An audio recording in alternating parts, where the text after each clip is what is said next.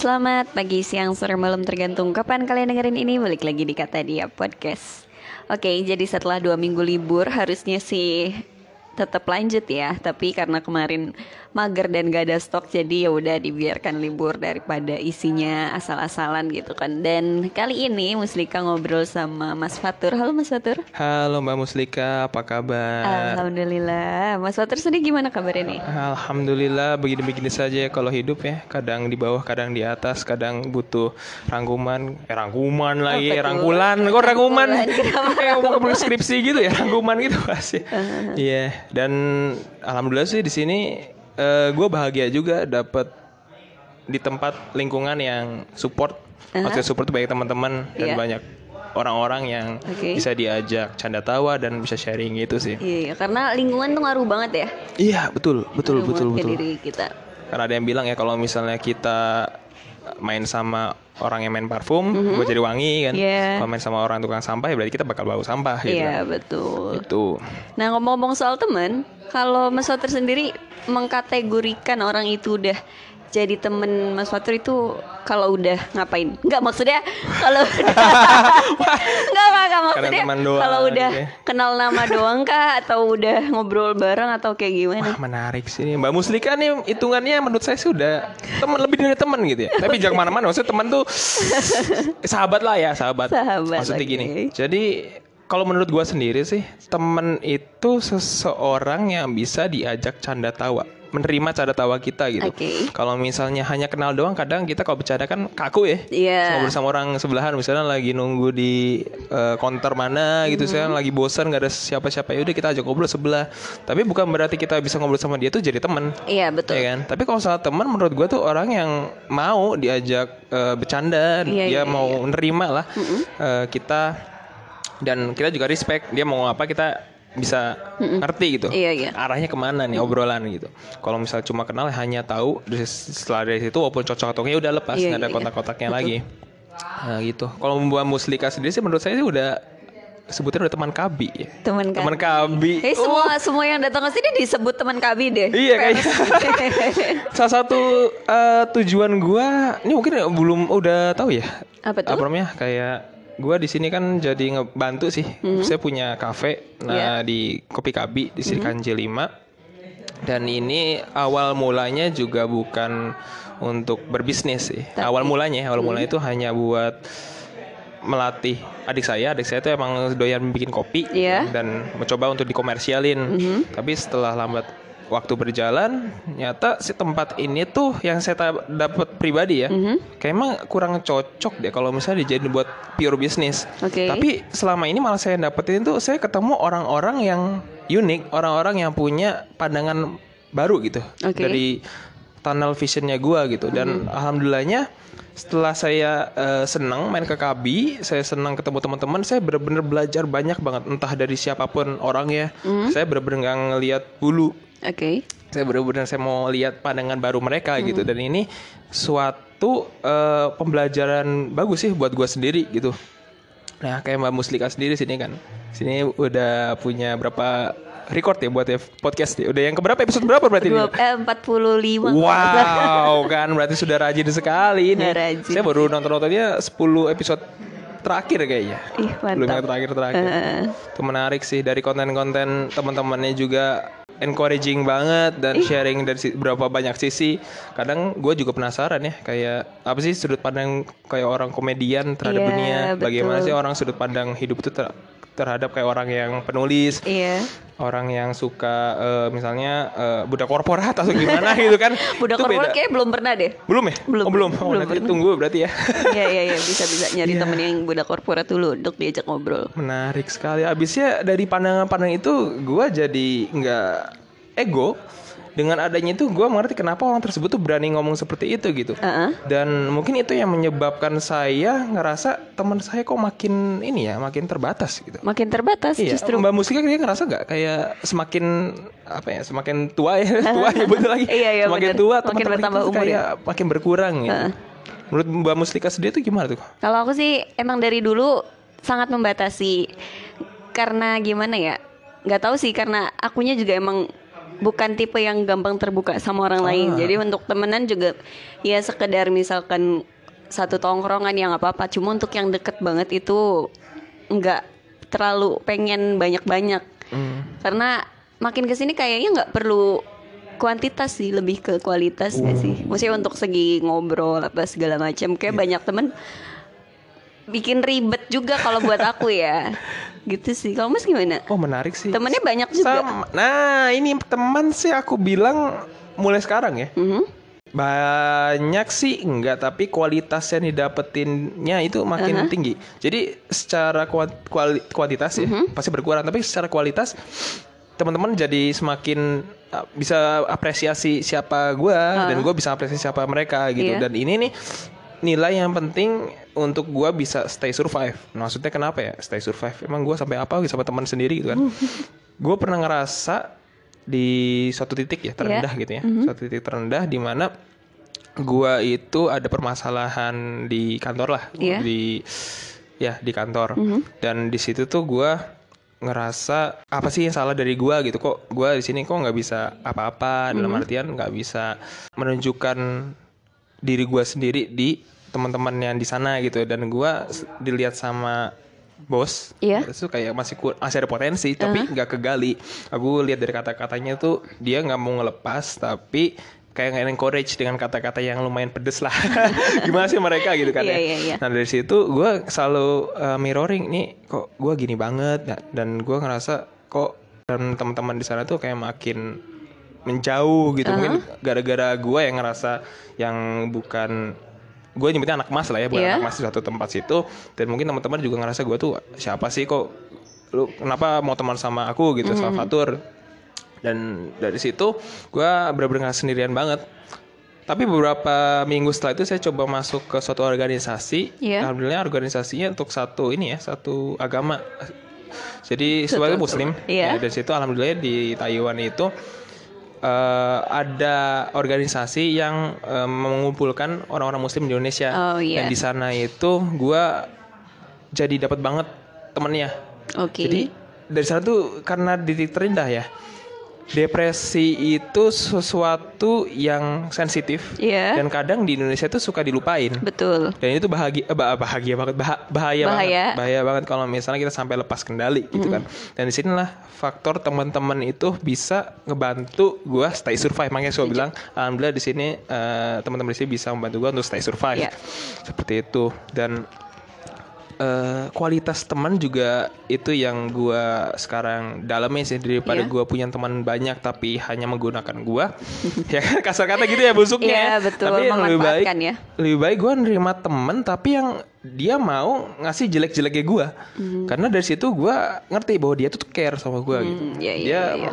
eh, peduli apa yang gue sampaikan apa yang gue eh, obrolin itu ya nggak pas dan itu tuh harus dibenahi gitu itu baik belajar juga. Jadi kadang gue tipikal orang yang suka mendengar sih untuk saat ini ya. Iya, iya. karena gue nggak pernah tahu ah, siapa sih awalnya. Kalau misalnya gue cari teman baru ya teman baru biasanya gue selalu lihat dulu nih tipikal cara ngobrol seperti apa dan arahnya mau ke mana apakah dia mau cuma cari temen atau misalnya mau cuma obrolan doang. Iya. itu beda ya. Mau cari obrolan doang kan yang penting eh, waktunya bisa dipakai nggak ngapa-ngapain Betul. Dia ngapa-ngapain bisa diajak ngobrol dan kalau saya teman-teman ya harus siap sedia gue aja ayo nongkrong di sini yuk ayo kita sedia gitu kita ngobrol gue temennya lu gitu Secara katanya seperti dan di sini gue ngerasa banyak banget temen yang bisa gue percayain banget Di Kabi ya. Heeh, khususnya di Kabi sih. Dan ini kayak tempat gathering aja sih gua. di sini jadi banyak teman. Jujur ya pas lagi gua SMP, SMA itu gua tipikal orang yang di kelas aja. Oke. Jadi untuk organisasi bahkan nggak nggak ada deh. Nggak ikut. Untuk SMA nggak ikut, nggak ikut. Cuma wajib seminggu dua minggu terus saya cabut gara-gara nggak nyaman. Dan gua punya tunnel vision bahwa ya sukses itu dari belajar. Yang gua tahu ya. Iya, pada waktu itu. Betul. Ini menarik sih ya setelah makin besar, semakin mengerti kehidupan gitu.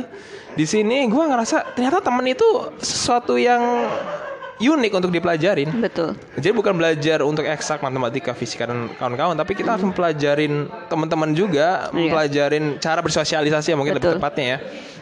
itu dan karena gua dari SMP SMA nya nggak punya temen nggak sih ada beberapa cuman nggak Nggak sedekat itulah Ah, ya. iya iya nggak terbuka itu dan mulai ke sini gua harus eh, ngerti bahwa ternyata teman-teman ini bakal membantu gua stay survive Iya. ilmu fisika kimia biologi itu hanya penunjang aja tapi yang bikin Asli. kita stay in apa sane ya Iya. sane itu teman-teman kita sendiri sih Kalau temennya bener. Nah, nah itu Iya juga benar kan? sih. Iya iya iya. Kalau Mbak Muslika sendiri gimana nih? Teman menurut Mbak Muslika teman-teman yang apa sih ya anak diajak sebagai canda tawa yang bisa kita percayakan itu seperti apa? Yang apa ya? Aku tuh agak pemilih. Kata orang kan jangan milih-milih kalau temenan. Tapi aku mikir bahwa ya teman tuh bisa ngaruh ke diri kita. Makanya aku milih banget kan.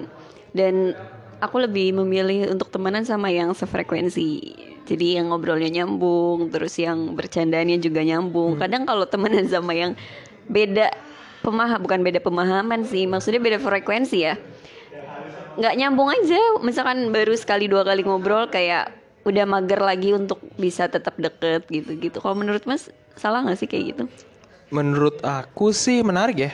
Ini pandangan baru juga. Kan Mbak berarti posisinya itu jadi meng apa ya?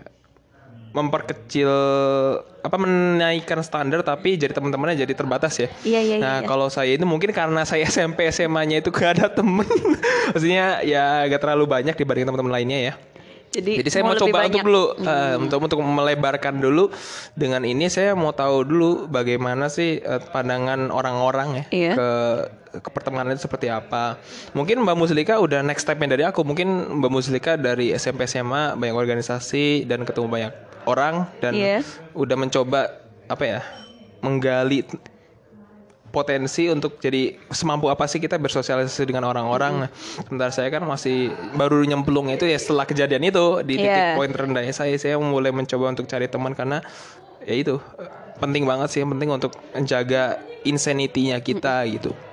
Dan menurut saya sendiri mungkin saya masih di step level satunya Mbak Muslika mungkin di level tiganya ya. Karena sudah bisa memfilter. Nah sekarang saya lagi mencoba untuk mencari teman-teman sebanyak-banyaknya dulu aja. Dari situ mungkin mulai bisa mencari sih siapa sih yang bisa dijadiin gue percayakan. Iya iya. Karena untuk jadi sahabat itu kadang apa ya gue ngelihatnya itu gue tuh nggak boleh egois Iya. ya kan?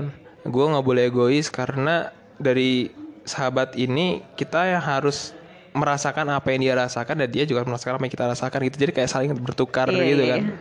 itu itulah yang gue definisikan sebagai sahabat ya. Hmm. kalau sama teman tuh hanya bisa diajak canda tawa tapi mungkin orang tersebut nggak bisa ngerasain apa yang gue rasakan. Hanya yang penting bisa hai bareng lah Hmm. bisa refreshing bareng gitu.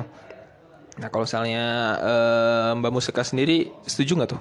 Apa tuh? Pandangan saya kayak bedanya sahabat sama temen kalau Iya, sahabat tuh hanya ya bisa buat apa ya ngerti harus ngerti gitu. Kalau saya itu ya lu bukan sahabat gua kasar kata gitu ya. Itu. Iya sih, tetap ada batasan ya. Kalau misalkan temen doang, eh, sekedar eh, misalkan nongkrong, terus ketemu cerita juga nggak yang cerita kayak Privasi gitu ya. privasi Iya. yang kayak gitu-gitu ya. Kalau sahabat kan, eh, aku bisa cerita apa pun ke dia tanpa takut dia harus nyebarin ke orang lain gitu, kan disebut Nge- spill ya. Iya. Sekarang lagi tren Iya betul, yang kayak gitu-gitu sih. Karena apa ya?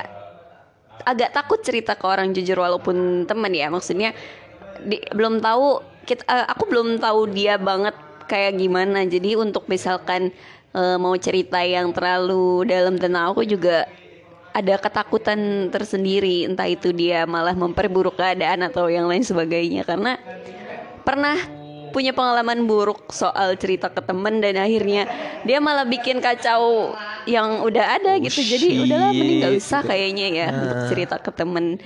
Dan aku tidak memilih untuk tidak mencampur adukan kehidupan pribadiku sama hubungan sama dia sih maksudnya. Oh misalkan aku ada masalah apa kalau lagi ng- ngumpul sama temen temen ya temen temen doang gitu. Ya udah pura-pura aja kayak nggak ada apa-apa gitu Wow. walaupun mungkin ada lagi ada masalah kayak gitu. Oh menarik? Ah. oh jadi ini ya ada rada sedikit emosional sedikit ya? Iya iya. Habisnya karena sebel sih bawaannya kalau udah. Kita udah Percaya gitu percaya ya. nih. Terus kenapa malah nyebarin ke orang lain? Kayak aku tuh emang nggak bilang sih jangan bilang-bilang ya tapi kayak kalau udah gede harusnya kalau udah dapet cerita harus dikip sendiri aja nggak sih harusnya ya Semakin besar gitu ya. iya walaupun bukan teman deket tapi kenapa harus usil sih kenapa harus sampai ceritain ke orang lain lagi gitu Wow. Kadang kalau dari sisi aku sendiri mungkin ya ada orang yang menggunakan eh, emosionalnya itu jadi sebagai bahan untuk bicaraan karena itu kan panas ya. iya nggak? Itu kan kayak pembicaraan panas dan mungkin kalau kita kesebar ke orang lain tuh orang bakal dengerin kita. iya betul Iya nggak sih? Dan di situ hati-hati juga ya. Gue juga eh, cerita-cerita yang privacy dan itu gue cuma batesin sejauh ini ya. Itu sama orang tua aja, Oke. sama istri. Jadi kalau ada apa-apa, gue selalu ceritanya ke mereka. Dan ya karena kita nggak pernah tahu betul eh, temennya ini tuh bisa kita percayakan nggak? Untuk untuk menghidupkan sanity kita ya alhamdulillah ya bisa ya. Tapi untuk yang menceritakan hal yang sensitif seperti ini tuh kita emang butuh ya orang Betul. untuk cerita iya gitu. betul Dan tapi jangan sampai salah aja karena kalau udah salah itu eh malah jadi bahan gitu dan iya iya jadi bumerang juga buat kitanya Betul, gitu ya niatnya eh, berharap mereka bisa membantu kita, tapi malah kita makin dipersulit dengan Iya, betul. malah semakin di spill, semakin banyak orang yang tahu gitu kan. Itu jadi set momen banget sih. karena katanya temen juga punya temen gitu kan Ah, aku iya, cerita iya, ke dia hati-hati tapi ya. dia juga punya teman lagi yang untuk nyeritain permasalahan aku gitu Iya, itu iya, kan iya. yang nyebelin ya Canda tawa, sedih duka gitu sesuatu yang sangat hati-hati sih ke nangis ke siapa itu jujur kalau misalnya kita nangis ke orang yang salah itu yang jadi mereka mungkin secara fisik terlihat empati ya tapi Iya. di belakang tuh dia mentertawakan kita. kita, Betul, betul. dan itu jadi sebagai materi malah gue nyebutnya materi buat ke teman-teman lainnya Iya. gitu itu kurang ajar sih jadi Tapi bahan itulah untuk- hidup. Mm, betul jadi bahan untuk dia bisa diterima di tongkrongan lainnya gitu kadang ya Mm. dan aku pernah ada di posisi aku nganggap dia temen dekat tapi ternyata di belakang dia kayak akunya tuh nggak dianggap sedekat itu loh. Wow. ngerti gak sih? Kayak akunya sedih aja aku udah nganggap dia sedekat itu tapi kayaknya dia nganggap aku kok kayak temen biasa gitu. Jadi ya udahlah kayak jaga jarak aja dan memilih untuk ya udah biasa aja dianya juga biasa aja ke aku aku juga nggak yang terlalu cerita banyak ke dia juga. Gitu. Kayaknya kalau mbak musika sendiri kayak sahabat bisa dihitung nggak isi jari? Ada nggak? sahabat. Ah, sahabat Bisa gimana sih. Karena kalau misalkan kan cewek biasanya ngegeng nih. Wah, ada Iya geng-gengan sih, gitu. cewek misalkan ngegeng kan. Dari SMP, dari SMA itu ada geng eh, Ya geng cewek-cewek lah. Wow, Biasa oke. sehobi jadi ngumpul bareng. Eh, Even dalam satu geng juga Aku tetap deket sama cuma satu dua orang aja gitu Ah. Misalkan kami bersepuluh Tapi aku cuma deket sama dua orang di antara yang bersepuluh Yang kayak Hmm. gitu Jadi emang walaupun dalam circle yang nggak terlalu besar Aku milih untuk deket sama yang lebih sedikit lagi Lebih sedikit gitu. lagi Heeh. karena kualitas itu ya. Iya betul karena nggak aku nggak tahu dari 10 ini siapa yang ngomongin aku di belakang gitu Ya, kan. yang kurang ajar siapa gitu Iya, ah. Yang mau nusuk dari belakang siapa gitu ya. Hmm. Ya itu resiko juga ya kalau misalnya punya teman banyak ya. Iya. Kalau misalnya kita udah di masa lansia dan apa, apakah mereka mau tetap nerima kita gitu kan? Apa hanya em, berteman dengan kita pas kita sukses doang itu yang hati-hati sih. Itu yang sedih banget. Kalau istilah gue sih apa ya? Kalau gue nyatain sahabat itu kalau si orang tersebut tuh mau diajak yang mengerti gue dan dia Iya. tuh kayak ada durasi ada waktunya misalnya gue ini terlalu teoritis banget ya. Biasanya kayak tiga bulan kita kotak-kotakan terus dan Oke. selalu nggak nggak nggak pernah miss gitu ya. Mungkin masalah selalu ada ya tapi setelah itu saling memaafkan dan saling mengerti itu udah cukup. Menurut gue dan sejauh ini ya sahabat masih terlalu menurut karena mungkin kualitasnya gue terlalu tinggi kali ya. Jadi sahabatnya sendiri sekarang tuh masih belum dapet aku. Belum punya. Ya karena mungkin eh, ada sih teman deket banget deket banget dan gue langsung nyebut namanya kayak semoga dia dengar juga Nandi ya. Nandi. Dia- ya Nandi. Nandi dia sempat bawa bareng. Gue nyebutnya malah temen gay malah ada yang bilang gitu karena gue selalu dua terus. Emang deket banget ya. Gue normal gue punya istri hello gitu kan. Tapi dulu sama di SMA itu sampai disebut kayak teman gay karena kita Oke. selalu berdua, Iya. selalu hahi dan ngerti lah satu sama lain. Tapi lain sisi setelah gue kenal ternyata emang dia temennya banyak Hmm. dan gua kayak ngerasa tadi mungkin udah mau dicap sebagai sahabat gitu Iya. kan Ternyata emang oh dia emang deket sama semua orang dan Iya, betul. takutnya gua terlalu pede gitu kan nganggap dia sahabat atau gimana gitu situ ini kayak udah kayak pacaran gitu ya aja kejadian gua gay aja no no no no no oh shit aman aman aman. Nah gitu sih. Jadi dari sisi ini ya gue ngerasa ya jangan terlalu trust trust boleh ya trust Iya. boleh. Tapi jangan sampai ada norma-norma yang emang harus jangan dibicarakan. Mungkin uh, contoh contoh misalnya kayak bahas keluarga dan nggak tahu mesti nggak tahu ngomong ke ke orang tua kan aneh. Kalau sama masa Iya, keluarga calon betul. orang- orang- cerita ke orang tua lagi kan aneh. Mungkin carilah orang yang bener-bener bener-bener bener banget udah percaya banget gitu. Dan bahkan mending lebih amannya sih kita tulis. Itu yang paling umum sih kalau ke tulis sana? Ya itu menurut gua sih ya, Iya karena aku juga ka- kadang kalau ngobrol tuh sama orang-orang itu aja. Orang itu-itu aja. Jadi walaupun temen aku banyak tapi bener-bener nggak bisa berani untuk cerita terlalu dalam atau terlalu terbuka ya. Jadi aku tuh punya misalkan permasalahan A aku ceritanya ke dia. Terus ya permasalahan B aku ceritanya ke yang lain lagi gitu. Jadi aku tahu harus ngehubungin siapa kalau dapet masalah apa. Oh iya iya iya sih tapi kemarin agak mellow juga teman aku. Aku kan punya sahabat ini beneran sahabat cewek Hmm. dari SMA itu kita bareng. Terus makin ke sini makin jarang ketemu kan karena beda kuliah terus dianya juga udah kerja juga udah punya kesibukan dia udah punya pacar juga. Dan kemarin ketemu untuk eh, setelah beberapa lama nggak ketemu aku pikir kita cuma ngobrol berdua dan bisa lama gitu ngobrolnya. Ternyata dia eh, apa di didatengin nama cowoknya lah. Dan aku ngerasa kok gini? Maksudnya aku tuh mau quality time loh sama kamu tapi kenapa kamu malah eh cewek eh, cowokmu datang dan akhirnya balik duluan. Jadi Wow. akunya juga apa ya belum ngerasa keluar semua. Maksudnya aku kan pengen emang udah lama banget nggak ketemu jadi pengen ngobrol banyak gitu. Tapi kemarin belum sempat keluar semua tapi dia udah keburu cabut sama cowoknya. Dan mikir kalau udah nikah gimana maksudnya kalau dia udah nikah gimana aku bisa ketemu dan bisa ngobrol gitu? Jadi agak sedih sih. Oh menarik. Ini Gitu. juga mungkin dialamin sama istri aku sih. Oh ya? Iya, istri aku juga sahabatnya banyak. Dan gua akuin ini teman dari SMP eh bukan bukan SMP lagi SD. SD sampai sekarang masih kontak-kontakan dan gua tipikalnya yang ngerti sih. Iya. Jadi karena udah nikah ya dan alhamdulillahnya kita sama-sama ngerti dan kalau ada teman atau apa, gua malah selalu bilang "Oh, nggak main sama itu, tau udah lama nggak ketemu. Gitu. Gua apa kalau saya ajak sini sini aja nggak apa-apa Iya, iya. gitu. Karena itu takut ada kejadian sama Mbak Muslika ini eh, jangan sampai si ada orang lainnya mungkin kita kenal atau nggak kenal Iya. mengganggu quality time kita terlepas itu siapa ya?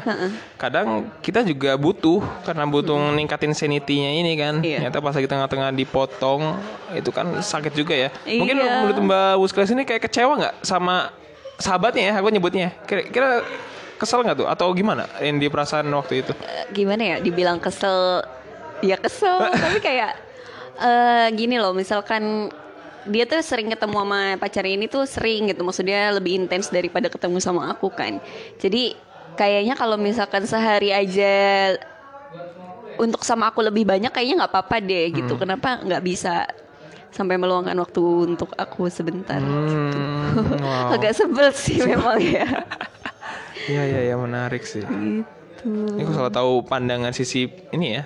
Kita kalau misalnya punya kemampuan baca pikiran orang emang enak gitu ya. Ini orang itu mau nerima kita mau ngobrol atau gimana ya. Kadang kalau misalnya, misalnya aku jadi temen ah, sahabatnya musika saat itu ya, Iya. cerita aja misalnya kita bikin skenario gitu. Kalau misalnya aku di sisi yang ngerti dan Mbak Muslika itu lagi butuh gitu, mungkin aku eh, bakal bilang ke pacarku, bilang taruh bentar ya ngobrol dulu mungkin ya. Iya. Tapi kan kita nggak pernah tahu ya si cowok ini sama si cewek ini tuh lagi ada apa di Iya, belakang. Dan kita tuh kadang masalahnya kita itu kita punya masalah masing-masing dan kadang masa kita mau diutarakan tapi mereka tuh pasti ada masalah juga tapi masih belum mau mengutarakan. Makanya pas lagi ada cowoknya datang dia cabut mungkin dengan rasa nggak enak lah pasti lah sahabat gitu kan. mungkin Heeh. dan akhirnya cabut aku ya sebagai sahabatnya Mbak Muslika ada cowok dat eh, cowok gua dat cowok gua lagi. Pacar gua datang udah kayak gay anjir. Terus siapa lagi pacar gue datang bilang kayak gitu? Gue ngeliatnya ada strategi juga ya kan pacar mungkin ya pacar dulu sahabat teman gitu. Iya. Tapi kalau misalnya ngelihat kebutuhan kayak ini Mbak Buslika tuh lagi butuh banget takutnya kenapa-napa. Kok gitu gue selalu luangkin dulu.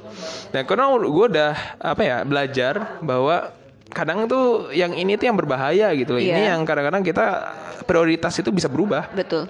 yang tadinya kadang keluarga cuma karena mungkin faktor eh, ada orang yang sampai bisa kenapa-napa jadi gue harus meluangkan waktu dulu mungkin Iya. di keluarganya aku pasti kok kamu pulangnya malam terus sih kok kamu eh, ini sih nggak ngeluarin keluarga dulu Iya. tapi aku ngeliat misalnya ada nyawa orang di situ Iya, kasar iya, kata Nah, itu macam prioritas ya lepas dari eh, prioritas sosialnya seperti apa gitu nah mungkin di sini eh teman sendiri eh sahabat ya sahabat sendiri kadang harus tahu juga. Makanya kita harus ngertiin posisinya si cewek ini eh si cewek si teman gue ini Iya. dan teman ini harus ngerti posisi seperti eh, saya itu seperti apa.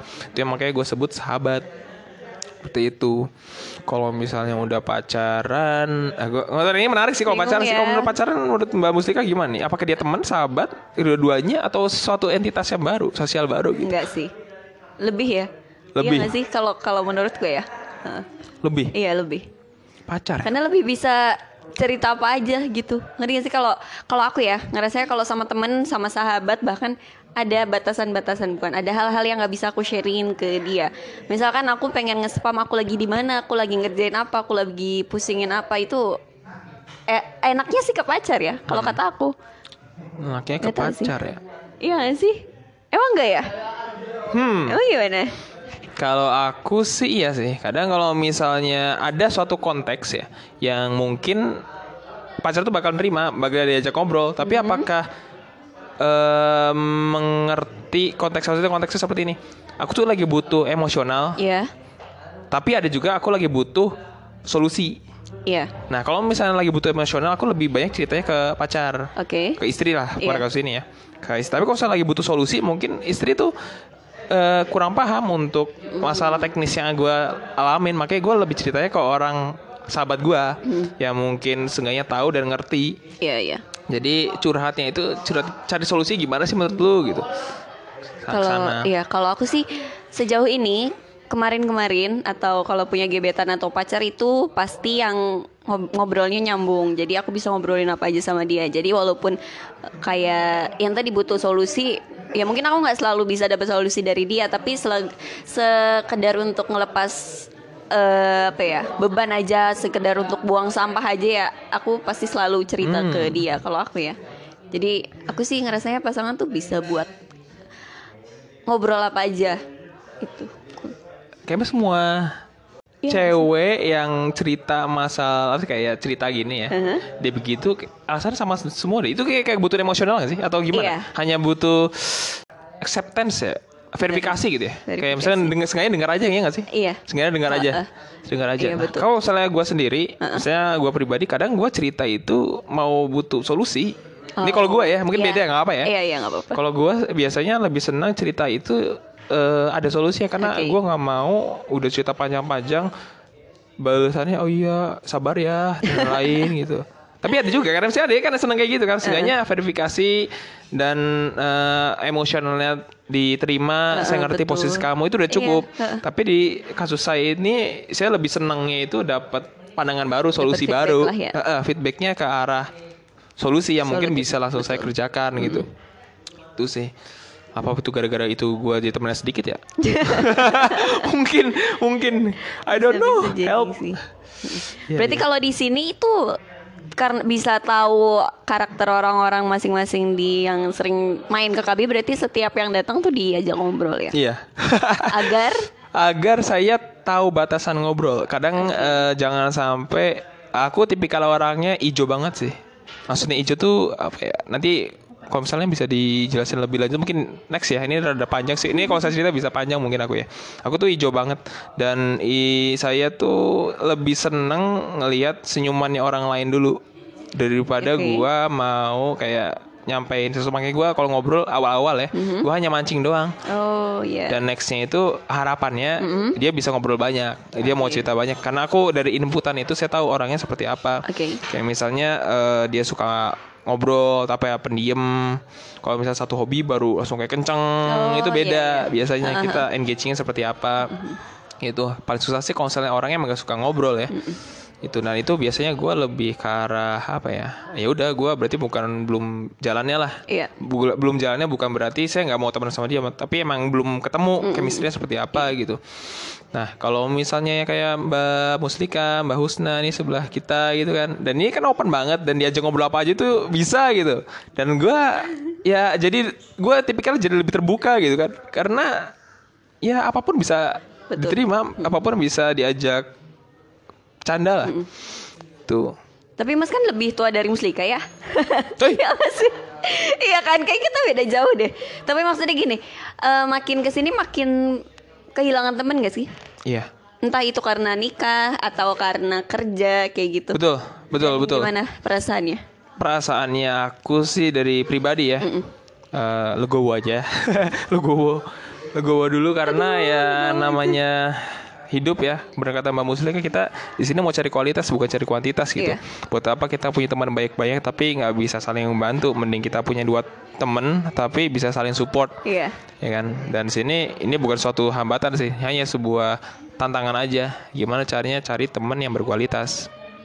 Karena aku suka sedih kalau ada temen yang tiba-tiba aku nggak kontekan lagi sama dia, biasanya sering ngobrol bareng, sering keluar bareng kayak gitu, terus tiba-tiba dia susah diajak keluar yang kayak gitu-gitu loh. Aku kalau misalkan temen yang nggak terlalu dekat, ya itu bodoh amat dia mau sejauh apa juga. Kayak akunya juga nggak ngerasa kehilangan. Tapi Ah. kalau udah temen deket terus tiba-tiba berubah, itu kayak mikir aku salah apa ya walaupun walaupun mungkin emang emang udah jalannya gitu Ya. kan misalkan dia kerja di mana atau dia eh, harus pindah keluar kota yang kayak gitu-gitu tapi eh, suka mikir aku salah ya aku salah eh, ap- maksudnya kesalahannya ada di aku apa gimana sampai kamu udah nggak mau deket sama aku lagi kayak gitu sih kadang kalau kalau temen banget ya Oh, kalau temen deket Kayaknya aku dari Mbak Mustika ngomong itu aku kepikiran satu orang nih. Jadi Siapa aku tuh? ada temen di pas di Taiwan ya. Iya. Dia beda negara, dia di Jerman.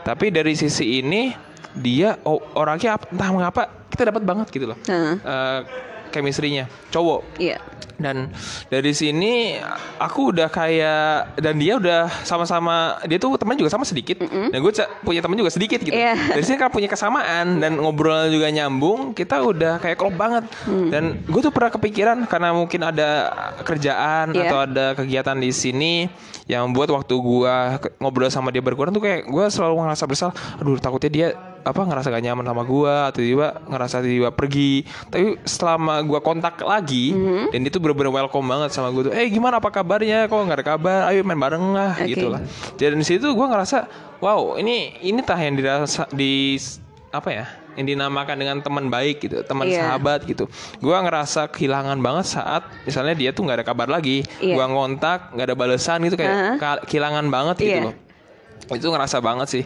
dan alhamdulillah sampai sekarang dia masih mau kotak-kotak ini kita kan jauh ya Hmm. Indonesia Jerman gitu dan di sini kita masih mau kotak-kotakan ngobrol panjang lebar masalah apa pun Hmm. gitu dia masih welcome dan gue juga masih menerima gitu karena menarik aja sih dengan men- apa ya punya teman jauh tapi Iya. satu vision gitu loh Iya. satu eh, arah obrolan gitu mau ke mana gitu dan gue selalu open itu yang menarik banget dari kalau kehilangan dia gue nggak tahu lagi sih eh, apa yang salah dari gua. Iya kan? Gua iya kayak apa sih kok tiba-tiba lu cabut? Kita tuh udah percaya sepercayain dan lu percaya Iya, gua. betul. gue bisa ngecap gitu karena dia mau apa ya ya terima gue pas lagi buruk pas lagi busuk-busuknya tuh. Iya iya.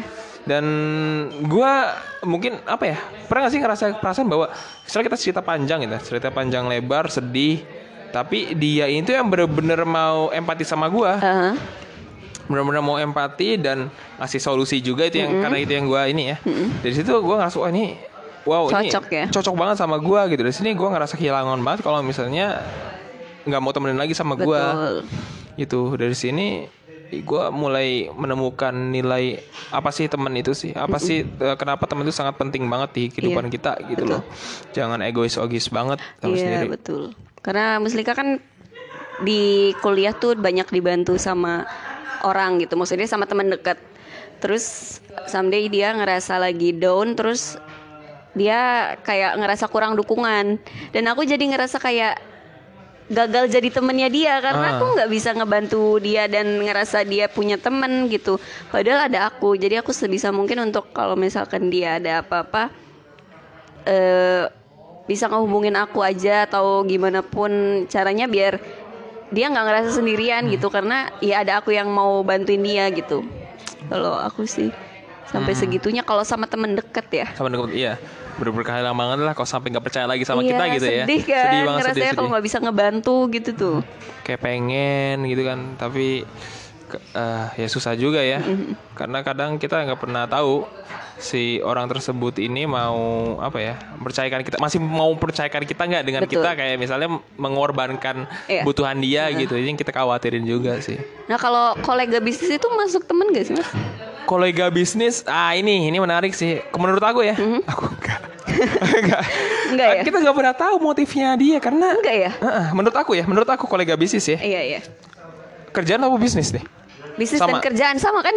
Eh beda. Tem- tapi maksud aku adalah urusan ya kayak gitu. Kerjaan lah. Kerjaan lah ya. Ah, Kalau kerjaan menurut aku eh, masih sejauh ini aku masih belum full trust sama teman kerja ya kolega Iya. bisnis. Karena aku ngerasa di situ ada faktor apa ya gue nyebutnya ada faktor faktor faktor X. apa sih? Ya lah kita ngerti lah ya konteksnya seperti apa Iya, ya. iya, kayak misalnya gue takutnya ngobrol sama teman ini jadi apa nggak nyaman nanti hubungan sama atasannya seperti apa Oke, gitu kan. iya, iya. dan mungkin ada juga kayak misalnya aku misalkan aja ya Mm-hmm. aku deket sama bos mungkin teman-teman aku jadi banyak gitu tapi pas Iya. lagi aku udah nggak ada hubungan lagi mungkin teman aku jadi berkurang nah itu makanya aku suka khawatirkan karena faktor-faktor yang seperti itu banyak banget kalau di Iya. pekerjaan ya uang mungkin eh, relasi sama atasan atau misalnya status kita di perusahaan biar kita Betul. dilihat gitu kan Iya. kalau kita main sama eh, apa ya kasar banget mungkin kayak misalnya main eh, OB-nya gitu kan sering main sama OB-nya mungkin Iya. kita di sisi atasnya kayak kurang di respect Iya. karena kita main sama mereka gitu. Betul. Nah gitu. Makanya gue kurang percaya sih kalau misalnya ke teman kolega eh, bisnis, gue lebih prefer pas lagi teman di luar situ. oke. Iya, Menurut iya. Mbak Musika gimana tuh? Eh, karena belum belum berpengalaman kerja. Maksudnya belum apa ya belum sejauh itu belum seprofesional itu. Jadi masih belum tahu kayak gimana sih teman kerja. Hmm, aku takut ini ada sih. Aku ngerasa ya awalnya temen Iya. kayak wah ini asik nih ya ngobrol bisa apa bisa bercandaan kan temen Iya, ya bercandaan. Tapi aku di lain sisi tuh ngerasa ini ada kayaknya biar ini pendekatan biar nanti ke depan tuh aku bisa ngebantuin kerjaan dia. oh jadi dimanfaatin takutnya, ya ah, takutnya ke sana dan aku karena mungkin experience untuk sosialnya juga nggak banyak. Jadi aku ngerasa bahwa ya ini tuh masih butuh gue butuh diasah lagi. Iya dan menarik sih ini jadi gue untuk trust ke arah tim apa kolega bisnis itu masih kurang ya aku nyebutnya aku lebih prefer ya teman-teman di KB ini jadi ini teman-teman lebih pure yang gue suka yang Iya. gue cocok gitu sih. berarti kalau teman-teman kerja mah ya udah sebatas profesional kerja aja Iya. jangan dibawa terlalu deket dalam kali ya mm, mm. Ya, itu batasan aku ya iya ada trustnya itu. Aku nggak tahu nih faktor dia itu mau ke mana. Kalau misalnya teman kenal di sini kan kasar kata kita nggak punya urusan apa apa nih. Betul. tiba-tiba cocok ke depannya ya berarti Iya. emang karena karena obrolannya bukan karena uang bukan karena saya relasi sama bos. Iya. dan jadi itu lebih pure. Jadi aku lebih trust kalau misalnya dapat teman-teman di kabi Ah, di kafe gitu walaupun sama kayaknya lebih banyak bocil-bocil nggak sih mas di Pak, sini di sini iya kan kayak mas paling tua deh Waduh, gimana ya? Aku lihatnya kalau di sini eh, senioritas enggak sih? Aku ngera- nah itu aku yang paling benci Mhm. selama aku SMP SMA itu senioritas nih. Makanya aku aslinya kurang suka sih kalau dipanggil apa A, Mas. Aku mau sama aja semua di sini kalau diajak ngobrol gitu. Iya. Tapi gini, aku juga belajar. Ini karena mungkin terlalu banyak ini ya terlalu meluas ya. Jadi itu nggak baik untuk orang yang di posisinya itu di atas. Kenapa? Oke. Karena dia akan kehilangan bijaksananya. Iya, betul. Mungkin baik orang itu mau kenal sama semua orang. Cuman kalau misalnya terlalu dekat dengan orang, orang tersebut tuh nggak punya power untuk ya mem- yang- menggerakinnya. Jadi yang kayak gue nyebutnya kalau tipikal marah-marahnya gitu dia nggak Oh, dapet. iya betul Ya kan kalau misalnya udah dekat sama orang kita marah-marah jadi aneh iya sih feelnya gitu. Misalnya Betul, kita, betul. aku bisa ada faktor bisnis sih sama Iya. Mbak Muslika dan kita dekat gitu. Mungkin aku mau marahin Mbak Muslika juga Nggak enak ya? kan, Iya, ada betul. faktor ke sananya. Heeh, heeh. Jadi aku batasin karena ini temen dan nggak ada faktor apa pun Iya. ya aku open sama semua semua orang gitu dan kalau misalnya misalkan aku ada faktor bisnis sama Febri misalkan Iya. ya.